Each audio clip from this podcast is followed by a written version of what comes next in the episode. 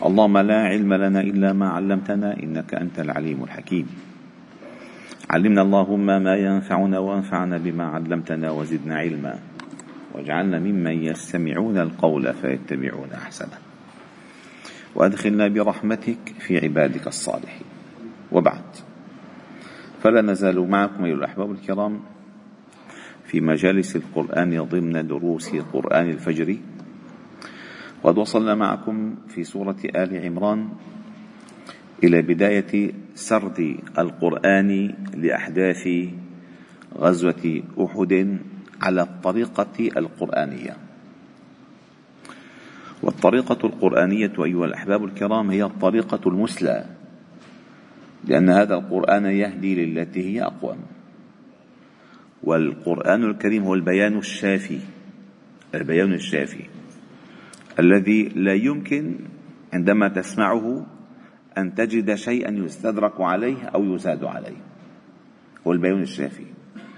خصوصا أن إيماننا بالله تعالى أنه هو المتكلم بهذا الكتاب. والله يقول الحق وهو يهدي السبيل. الله يقول الحق وهو يهدي السبيل. وماذا بعد الحق إلا الضلال؟ فأنا تصرفون. وذكرت لكم وأعيده باختصار. ذكرت لكم أن النبي صلى الله عليه وسلم أخبر الله تعالى عنه أنه غدا من أهله من بيت عائشة أم المؤمنين رضي الله تعالى عنها ليبوئ المؤمنين مقاعد للقتال.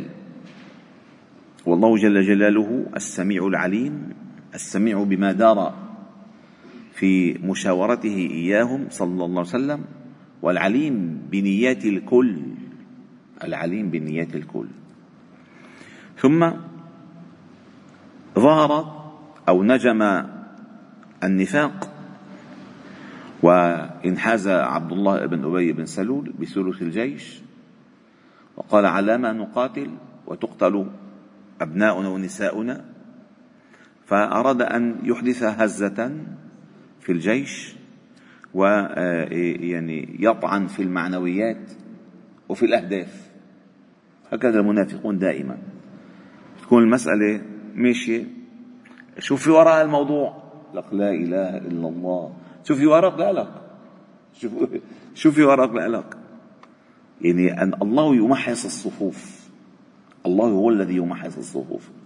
أما الذي يشكك والذي لا يريد أن أن يعمل أحد أبدا. فقال إذ هم الطائفات يعني منكم؟ والطائفتان كما ذكرت لكم هما بنو حارثة وبنو سلمة من الأنصار. همتا أن يرجعا كما رجع عبد الله بن أبي بن سلول. والله جل جلاله عصمهما. وهذه نقطة مهمة جدا أيها الأحباب الكرام أن نعلم أن المعصوم من عصمه الله. والموفق من وفقه الله. ومن يهن الله فما له من مكرم. هذه مهمة جدا. وما علينا نحن إلا الثبات. الثبات على ما نحن عليه. ولولا أن ثبتناك لقد كدت تركن إليهم شيئا قليلا. ولو أنهم فعلوا ما يوعظون به لكان خيرا لهم وأشد تثبيتا.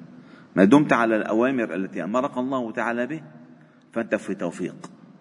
إذا زاغت النية وبدأت القدم بالزلل سيتخلى الله تعالى عنك.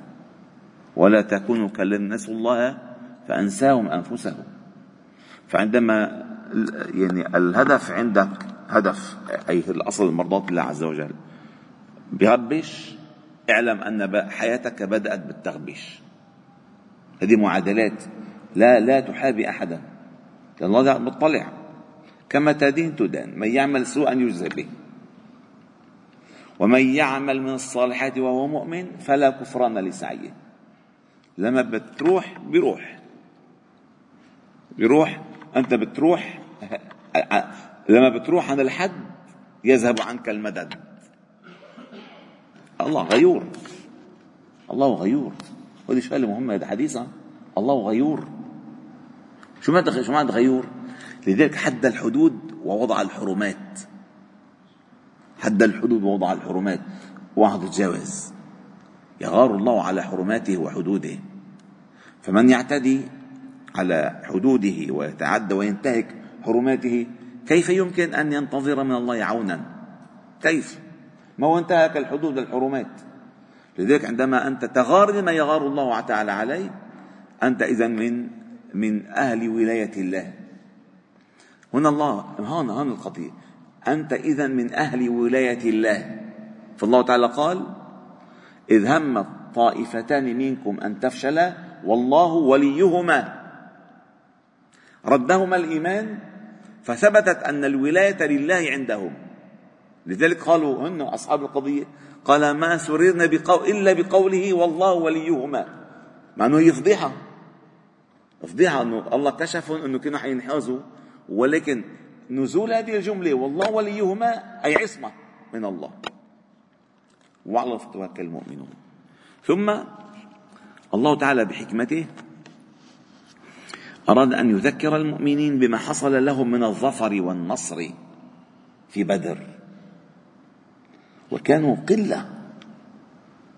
ولقد نصركم الله ببدر وأنتم أذلة. فاتقوا الله لعلكم تشكرون. لأن المفتاح مفتاح توفيق التقوى. وسبحان الله الله جل جلاله ذكر فوائد فوائد التقوى متتابعة في سورة الطلاق. والطلاق هي أخطر مشكلة تقع في البيت. أخطر مشكلة تقع في البيت. قد يتولد عن الطلاق مشكلة وقد يكون الطلاق في حد نفسه حل مشكلة كيف تعرف؟ بالتقوى. أنت تعرف ذلك بالتقوى. الفعل الذي فعلته عدم عدم إقدامك على الطلاق التقوى؟ ييسر الله تعالى لك أمرك ويجعل لك من أمرك العسر من أمرك العسير اليسر. ومن أمرك الضيق المخرج. ويجعل الله بعد عسر يسرا بالتقوى. فلذلك الله تعالى ذكر في سورة الطلاق ومن يتق الله يجعل له مخرجا. لأن ضاقت عليه. ويرزقه من حيث لا يحتسب. ومن يتق الله يجعل له من أمره يسرا. ومن يتق الله يكفر عنه سيئاته ويعظم له أجرا وختمها سيجعل الله بعد عسر يسرا فإذا الإنسان كان في حلف دائم مع التقوى سيكون معه مخارج دائمة من الضيق. دائما. مع آه، تيسير دائما مع كل أمر عسير يأتي التيسير. لأن هو هدف التقوى. لذلك قال فاتقوا الله لعلكم تشكرون. ثم ذكر القصة التي ما تكررت كما ذكر أهل العلم. ما تكرر نزول الملائكة إلا في بدر. إذ تقول للمؤمنين ألن يكفيكم؟ أن يمدكم ربكم ثلاثة آلاف من الملائكة منزلين؟ ألا يكفيكم ذلك؟ أما تذكرون عندما كنتم في بدر إذ تستغيثون ربكم فاستجاب لكم أني ممدكم بألف من الملائكة. هلا بتقولي كيف صار 3000 فقال الله تعالى مردفين.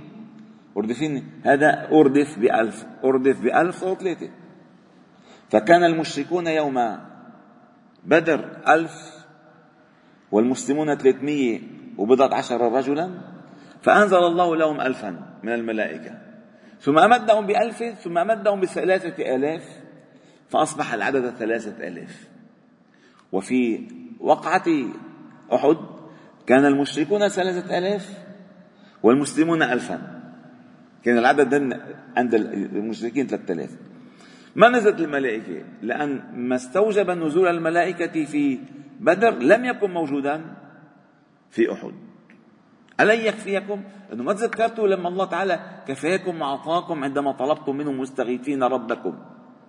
فأمدكم آه، آه، ربكم يمددكم بثلاثة آلاف من الملائكة. منزلين؟ بلى. أي بلى يكفيكم ربكم إن كنتم على العهد الذي كنتم عليه. بلى. وإن تصبروا وتتقوا ويأتوكم من فورهم. هذا يمددكم ربكم. خمسة آلاف من الملائكة المسومين. أي إن تحقق الشرط تحققت النتيجة. ما تحقق الشرط؟ لا الألف ولا ثلاثة ولا الخمسة نزلوا.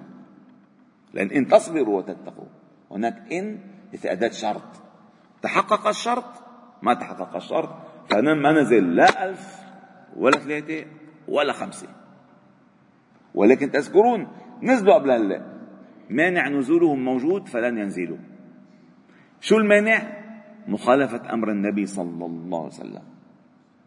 لو ما خالفوا الأمر المعركة حسمت من أول جولة ودغري فر فر المشركون والمشركات لأن كانوا جايبين أهليهم. فروا عندما التف خالد وكان مع المشركين يومها عندما رأى انكشف ظهر المسلمين التف حولهم وأعمل فيهم السيف حتى سقط منهم سبعين سبعون شهيدا. ومنهم حمزة ومصعب بن عمير الله بن جحش كبار الصحابة الكرام. فقدر الله ما شاء فعل للمدرسة.